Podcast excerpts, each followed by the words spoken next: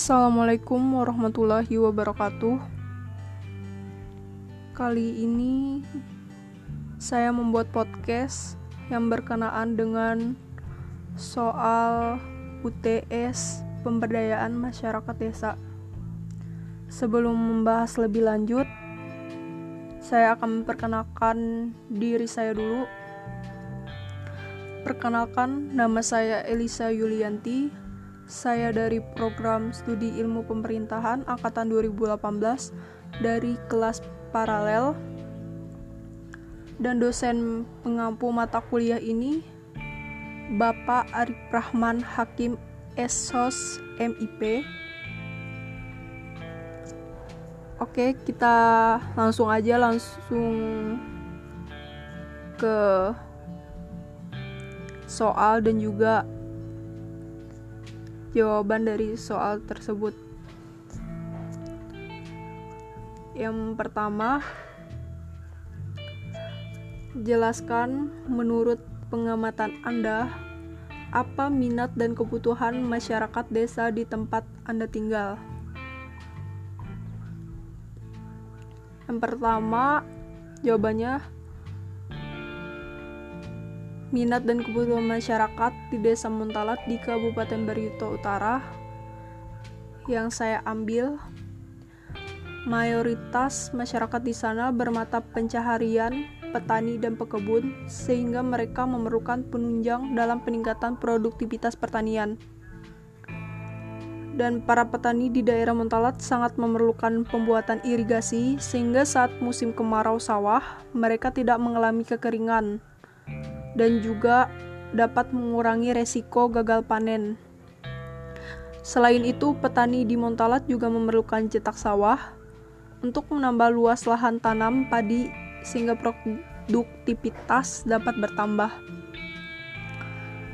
Juga selain itu, diperlukan sebuah badan usaha yang menaungi petani untuk menjual hasil panennya, sehingga mereka tidak perlu susah-susah untuk membawa hasil panen ke kota sehingga diperlukan sebuah badan usaha atau koperasi untuk memudahkan transaksi barang hasil panen dari petani di Desa Montalat.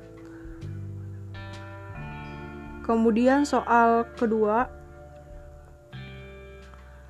pada suatu desa terdapat sumber daya alam kelautan yang berpotensi menjadi objek wisata. Namun, masyarakat desa tersebut belum memanfaatkannya untuk aktivitas pariwisata. Jika saya berada di desa tersebut, maka yang akan dilakukan? Jawaban kedua, jika saya berada di suatu daerah yang memiliki potensi wilayah wisata alam laut, maka saya akan membawa para pemuda desa untuk membuat suatu konten mengenai objek wisata tersebut dan juga mempromosikannya kepada wisatawan melalui media sosial. Setelah meminta dukungan kepada aparatur pemerintah desa untuk membuat suatu kebijakan yang berkenaan untuk membuat pariwisata desa, kemudian membuat tempat penyedia keperluan seperti untuk diving, penyediaan perahu, dan juga menyediakan tempat-tempat santai seperti penginapan, warung makan yang sifatnya penyewaan sehingga dapat menambah pemasukan penduduk sekitar. Lanjut ke soal nomor 3. Pada suatu desa terdapat masyarakat yang sangat beragam,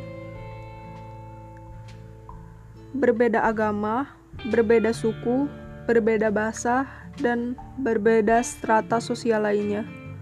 Kemudian, pada suatu peristiwa terjadilah konflik besar yang mengantarkan masyarakat bertikai. Sebagai pemuda desa tersebut, maka yang bisa saya lakukan adalah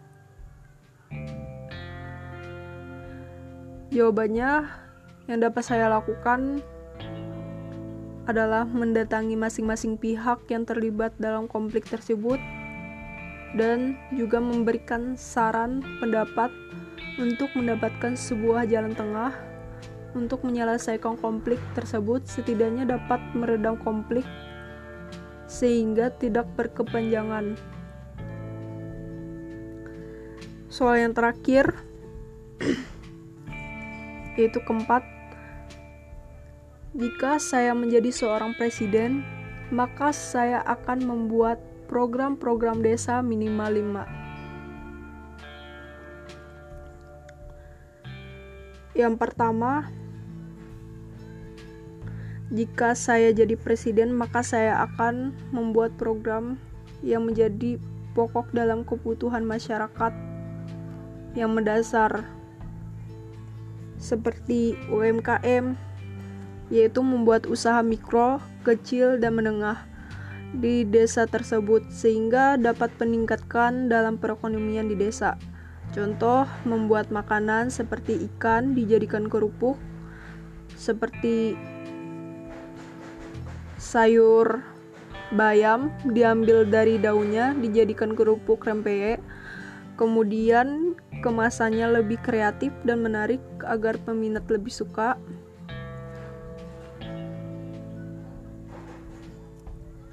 kemudian program yang kedua membuat bumdes di desa dan juga mengirim perwakilan dari pemerintah untuk turun lapangan langsung dan memastikan bahwa seluruh desa melaksanakannya. Yang mungkin tidak semua desa yang menyelenggarakan karena ada beberapa hal. Yang ketiga, program yang saya ambil yaitu pertanian meningkatkan pertanian di desa biar setiap di daerah itu punya daya ekonomi yang memang hasil dari daerah mereka sendiri. Yang keempat, meningkatkan kebudayaan di desa seperti kesenian dan juga bahasa yang jadi ciri khas daerah itu biar masyarakat di situ tidak lupa. Yang terakhir, meningkatkan pendidikan di desa.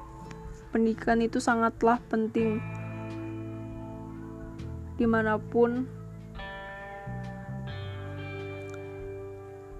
seperti meningkatkan sarana dan prasarana di pendidikan tempat dan tenaga pendidik yang berkualitas sungguh-sungguh dan dapat menjadikan anak-anak desa tidak ketertinggalan dalam ilmu pengetahuan.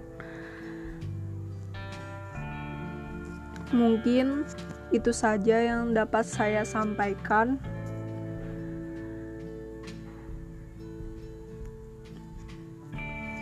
Jika ada salah ataupun kekurangan dalam berkata, saya mohon maaf. Dan terima kasih yang sudah mendengarkan podcast saya kali ini. Wassalamualaikum warahmatullahi wabarakatuh.